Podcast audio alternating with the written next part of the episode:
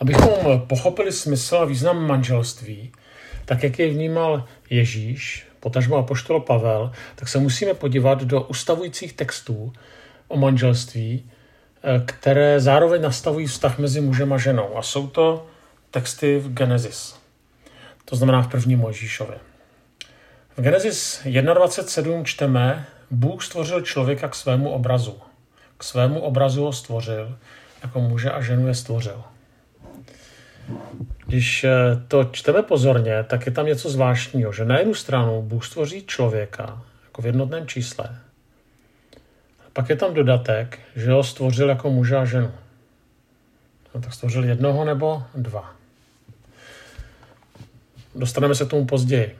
Stejné se totiž opakuje v prvním verši páté kapitoly.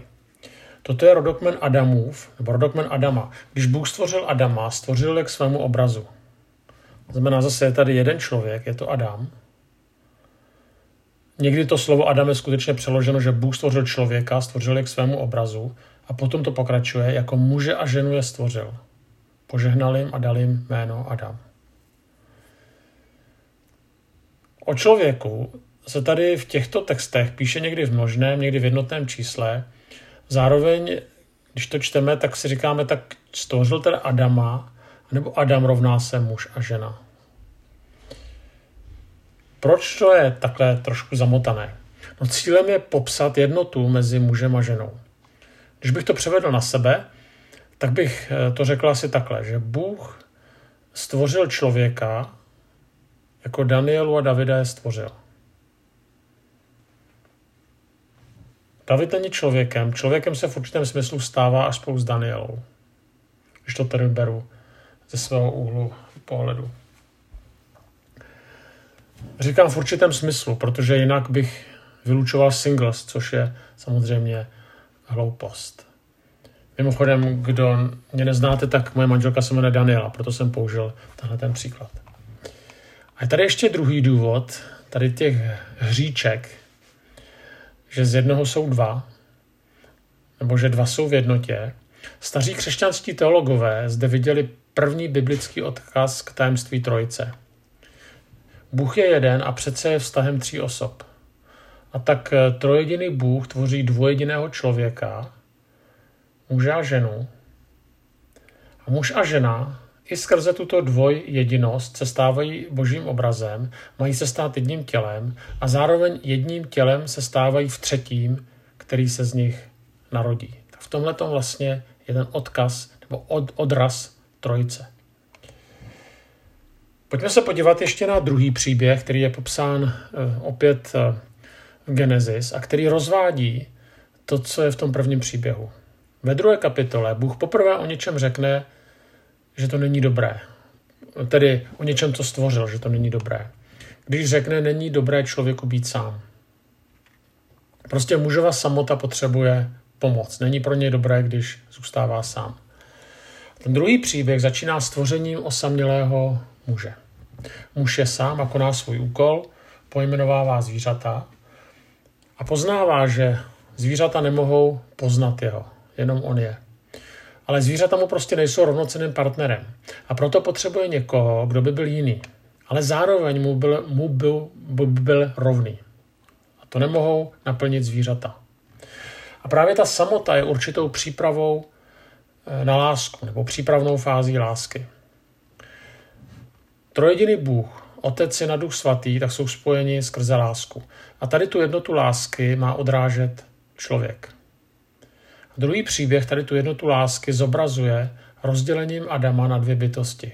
Bůh uspí Adama, vybere z něj žebro a udělá z něj ženu. Ale stejné slovo je na jiných místech použito pro stěnu chrámu. Tedy stejné slovo jako pro žebro, které je vzato z Adama. Tak se jinde používá pro stěnu chrámu. Tak jako je chrám úplný, až když má stěny, je muž úplný, až když má ženu. A zároveň je tady použito nikoliv již zmiňované slovo Adam pro muže, ale jiné hebrejské slovo v tom druhém příběhu. Je to slovo Íš. A od toho je potom odvozena žena koncovkou Íša. Kralická Bible to překládá muž a mužatka, tak to není úplně nejlepší pro naše uši v dnešní době. My to máme v češtině teďka jinak, lepší je manžel, manželka. Iš, iša, manžel, manželka. Vlastně muž a žena k sobě mají přilnout a jeden v druhém poznat chybějící část sebe samého. No co je důležité, že zde nikdy nenajdeme hierarchii nadřazenosti nebo podřazenosti nebo podřízenosti. Ten původní smysl soužití muže a ženy, tak jak je vyjádřený v Genesis, není postavený na moci, ale na rovnocené vzájemnosti. Ten text, který je tam napsán, eh, překládáme, že učiním mu pomoc jemu rovnou. A je tam zvláštní vazba, učiním mu pomoc doslova jako proti němu. Akorát tady není ve smyslu boje. E, totiž pomoc není, když žena ve všem souhlasí, ale když je mu jistou opozicí, kterou muž ale ke svému růstu potřebuje. Aby, mu, aby muž mohl růst, tak potřebuje vedle sebe osobnost. A teďka dochází k tomu, že do světa vstupuje hřích. A tenhle ten hřích hluboce pokřiví vztah muže a ženy. Satan říká Adamovi a Evě, nebo jim spíš slibuje, budete jako bohové. To lidské já se skrze hřích stává iluzorním středem světa. Člověk na sebe jakoby u vozovkách bere břímě Bohu. A když se člověk stává středem světa, tak se to v dějinách vždy projevovalo bojem o moc. Být ve světě jako autorita, autorita místo Boha. A v tomto boji člověk zotročuje jiného člověka. Nadvláda muže nad ženou je podle knihy Genesis důsledkem pádu. Ne tím, jak to mělo původně být. A Genesis nám o tom důsledku pádu píše ve 3. kapitole 16. verši, kdy je ženě řečeno to prokletí, budeš dychtit po svém mužovi, ale on na tebou bude mít vládu což stojí proti té původní stvořitelské myšlence, která je zapsaná dřív v Genesis 2.24, že muž opustí svého otce i matku a přilne ke své ženě. Jo? Původně je tam řečeno přilne ke své ženě, pak přijde hřích a je tam řečeno bude vládnout na svojí ženou.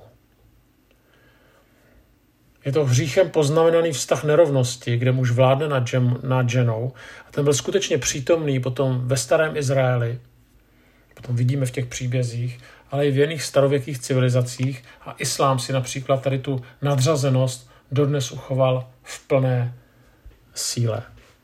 Tam žena je skutečně nižším stvořením. Pokud chceme správně porozumět smyslu manželství v Novém zákoně, tak potřebujeme porozumět charakteru kulturního prostředí, do kterého vstoupilo evangelium Ježíše Krista. V palestinské kultuře prvního století byla žena vyloučená z veřejného života neměla žádné občanské práva, nemohla svědčit jako svědek u soudu, když vyšla na ulici, musela mít pokrytou hlavu, musela mít tvář zastřenou závojem. To, co dneska vidíme v islámu. Veřejně si mohla odkrýt tvář jenom nevěsta v den svatby. V rabínské literatuře se jako příklad hodný následování dávají za vzor zbožné ženy, které nosily závoj i v domácnosti, tak, že jejich děti dospěly bez toho, že kdy viděli matčinou tvář. Narození syna se oslavovalo, nad narozením ženy, dcery, byl žal. 200 let před narozením Krista, jakýsi Jezus ben Sirach, smutný, že se mu narodila dcera, napsal, lepší je skažený muž, než žena, která koná dobro. Ženy se mohly bohoslužeb účastnit jenom první části, a to jenom eh, tak, že byly oddělené na balkoně. Dále do synagogy ženy nesměly vstoupit hlavním vchodem, nebylo jim dovolené, aby zpívali nebo se veřejně modlili. Podle tradičního výkladu Tóry Eva byla svedená hadem a protože eh, skrze ní vstoupil do světa hřích, tak na všech Eviných dcerách spočinula, nebo spočí, spočívá kladba. Ženy nebyly hodné toho, aby mohly poslouchat Tóru, nebo si ji učit, nebo dokonce vyučovat. Zachoval se rabínský výrok, podle kterého by bylo lepší, aby byla Tóra spálená, než aby byly její slova vyslovené ústy ženy. Rabín, no známý rabín Filon Alexandrijský, současník Ježíše, Krista i Pavla, tak učil, že kdyby nebylo Evy, Adam mohl zůstat šťastný a nesmrtelný. K populárním židovským modlitbám patřila i tato.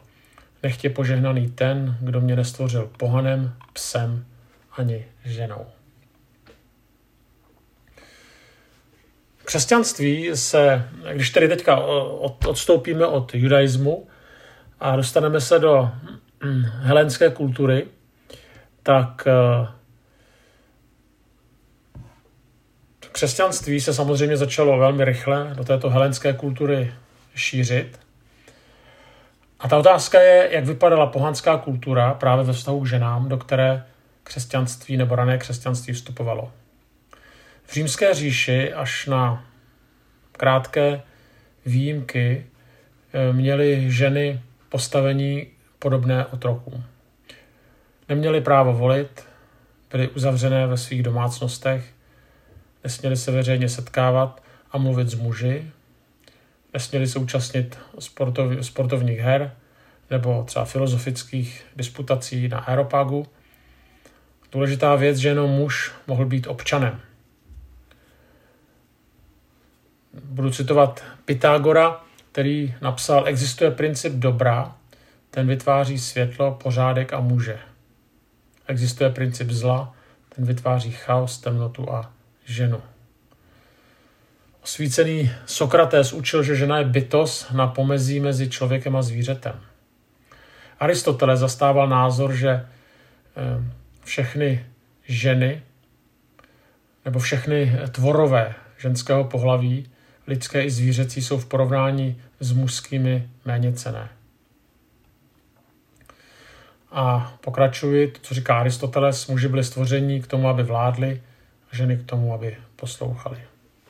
Já to říkám schválně, aby jsme lepší pochopili revolučnost Ježíšova postoje ve vztahu k ženám, když ho právě vnímáme v této šovinistické době, v které žil, tedy v šovinistické vůči ženám. My jsme si více uvědomili, že tak, jak jednal s ženama, tak bylo neslíchané, tak, jak se k ním choval. Už jenom to, že se ženami jednal jako s rovnoprávnými bytostmi. Jo, na, navzdory velmi přísným dobovým a dokonce nábožensky posvěceným zvyklostem, je to Ježíš, který eh, vrací ženě plnou lidskou důstojnost. A pro lidi, kteří obklopovali Ježíše, tak byly ty jeho postoje k ženám naprosto šokující. A pochopitelně se ale tyhle ty jeho postoje potom zásadním způsobem odrazily na tom, jak Ježíš vnímal manželství. Přešlu jeden text. Eh, přistoupili k němu, myslí se k Ježíšovi farizové s úmyslem přivést ho do úzkých a zeptali se ho, může se člověk se ženou rozvést z jakéhokoliv důvodu? Tam skutečně v té farizejské etice stačilo, aby žena připálila eh, jídlo, nebo aby se eh, tomu farizovi přestala líbit a mohli propustit. A teďka poslouchejte, co říká Ježíš. On odpověděl, nečetli jste v písmu, že stvořitel na začátku učinil lidi jako muže a ženu? A prohlásil, proto opustí muž, otce i matku a připojí se ke své ženě a ty dva budou jedním člověkem nebo jedním tělem. A potom dál říká, už tady nejsou dva, ale jeden. Co Bůh spojil, člověk nerozlučuje. Proto jsem hnedka na začátku začínal těmi texty v Genesis, protože na ty navazuje Ježíš, když mluví o manželství. Někdo právě říká, že teď přece ty texty v Genesis nemluví explicitně o manželství, to je pravda, ale Ježíš je vykládá právě v kontextu manželství. A tady Ježíš potvrzuje závazek věrnosti a nerozlučitelnosti manželského svazku. A klade dokonce na dobro potomstva, jímž byla v minulosti omlouvána poligamie. Takže ta poligamie byla omlouvána tím, že jak si je to ve prospěch těch dětí. A staví se dále proti rozvodu, který byl také velmi snadný. Ale samozřejmě to bylo mnohem horší pro ženu, když potom byla propuštěná, protože ta společnost jednak jí pohrdala a jednak pro ní bylo velmi složité se jí uživit. Ježíšova slova, co Bůh spojil, vypovídají, že manželství není jenom světskou záležitostí nebo právnickou záležitostí, že to není jenom plot lidské vůle, ale, a to je velmi důležité, že manželství obsahuje posvátný aspekt, který koření v boží vůli, že to není prostě jen tak, aby se naplnila kauza zákona, nebo že to je výhodnější třeba pro děti nebo pro, eh, pro dědictví. Ale tady skutečně jasně řečeno, že, že je to posvátný aspekt, který má kořen v boží vůli. Že to není jen tak. Stojí také za zmínku, že v řečtině to slovo připojení, tedy muže k ženě, se dá přeložit jako přilepení se k ní. Rozlepit tento vztah pak znamená je vlastně roztrhat a zničit. Víme, že když slepíme dva kusy papíru, tak potom, když je chceme rozlepit, tak to prostě nejde. Už nikdy nebudou ty dva papíry stejné. A skutečně to známe, když dochází k rozvodu, tak, tak je to pak rozervanost partnerů, která je výsledným efektem rozvodu. Protože oni skutečně původně byli jedním tělem a je to víc, než že spolu spali, že spolu měli sex. Je to mnohem hlubší, je to sjednocení se na úrovni těla, ducha a duše. A to nejtragičtější je, že ten rozvod nejenom trhá ty dva lidi, ale trhá jejich děti a trhá je celé sítě vztahu. Proto Ježíš velmi jednoznačně vystupuje proti rozvodu a odkazuje se na ten původní řád stvoření. Stejně radikálně tyhle ty slova pochopili Ježíš, Ježíšovi učedníci, kteří prostě oni řeknou, no jestliže je to s mužem a ženou takové, pak je lepší se neženit. Tak trošku vystihují to, co dneska někteří lidé říkají, že je vlastně lepší se neženit. A vidíte, že učedníci je předbyli o 2000 let. A Ježíš jim tu tady tu interpretaci nevyvrací, protože vlastně naznačuje v tom, co říká, že manželství je svým způsobem v něčem náročnější než celibát. Vyžaduje totiž eh, dávku odpovědnosti, nebo notnou dávku odpovědnosti vůči tomu druhému. Sebezapření, oběti. Já teďka nechci hovořit o celibátu. Ježíš nějak neglorifikuje celibát, ale jenom říká, že to manželství je též velmi náročné a vlastně přitakává učedníkům. A zároveň tím není řečeno, že by člověk eh, neměl do manželství vstupovat. Jenom prostě to Ježíš říká eh, jak si na rovinu, že to je prostě závazek. Na Kristovo vyučování o manželství pak navazuje apoštol Pavel v tom slavném textu efeským 5. kapitole 21 a dál. A to začíná v podanosti Kristu se podřizujte jedni druhým, ženy svým mužům jako pánu, protože muž je hlavou ženy, jako Kristus je hlavou církve těla, které spasil.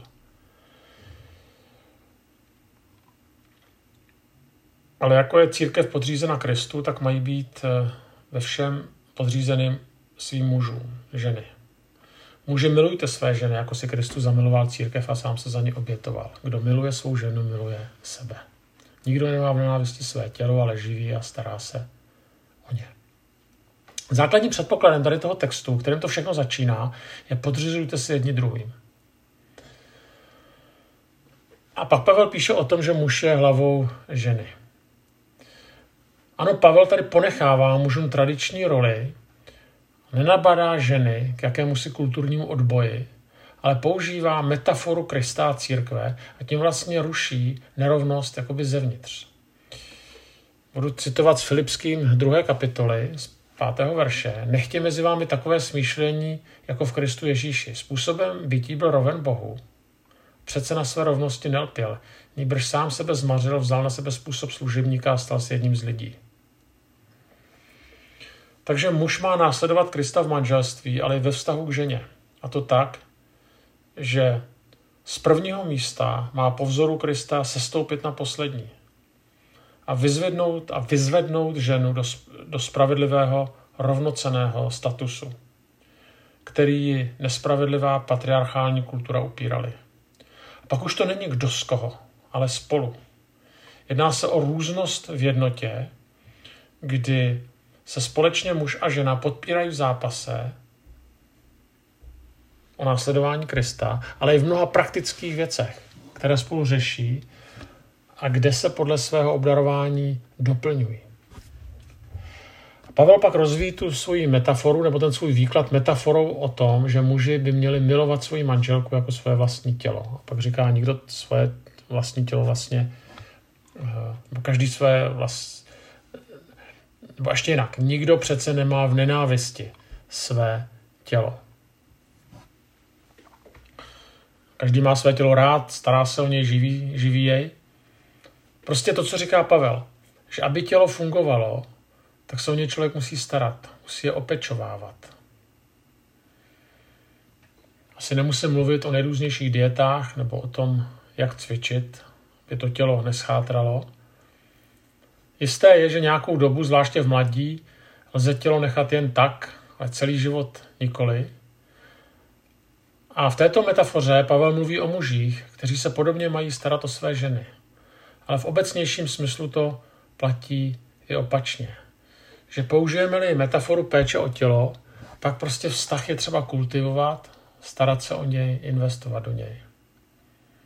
Prostě cvičení a obecně trénink není příjemná záležitost, stejně jako je to se zdravou stravou. A prostě červená řepa, byť je zdravá, tak prostě nejsou hranolky. Chci tím říci, chci tím říci, že matoucí to, že láska je cit, který se rozvíjí jakoby sám od sebe. Četl jsem následující myšlenku, která dobře vystihuje to, co říkám. Myslel, myslela jsem, že smysl manželství je v tom, abychom byli šťastní, ale stále více vidím, že manželství je i pěkná dřina. Nejenom, ale. Z toho, co jsem ukázal, tak vidíme, že neexistuje nějaký jednoduchý návod, kde končí přesně role muže a kde začíná role ženy. Muž je tím, kdo nějak směřuje, nějak vede, ale to moudré vedení přece nefunguje tak, že jeden velí a druzí poslouchají. Vždy se jedná o rozhovor, o respekt, spolupráci, naslouchání, vzájemnou službu, oběť, doplňování se.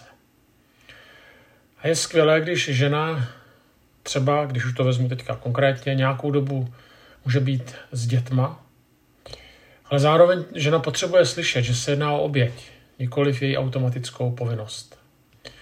Je správné, když muž je schopen vést a zároveň se obětovat, ale zároveň je skvělé, když může od ženy slyšet, že to nebere jako samozřejmost.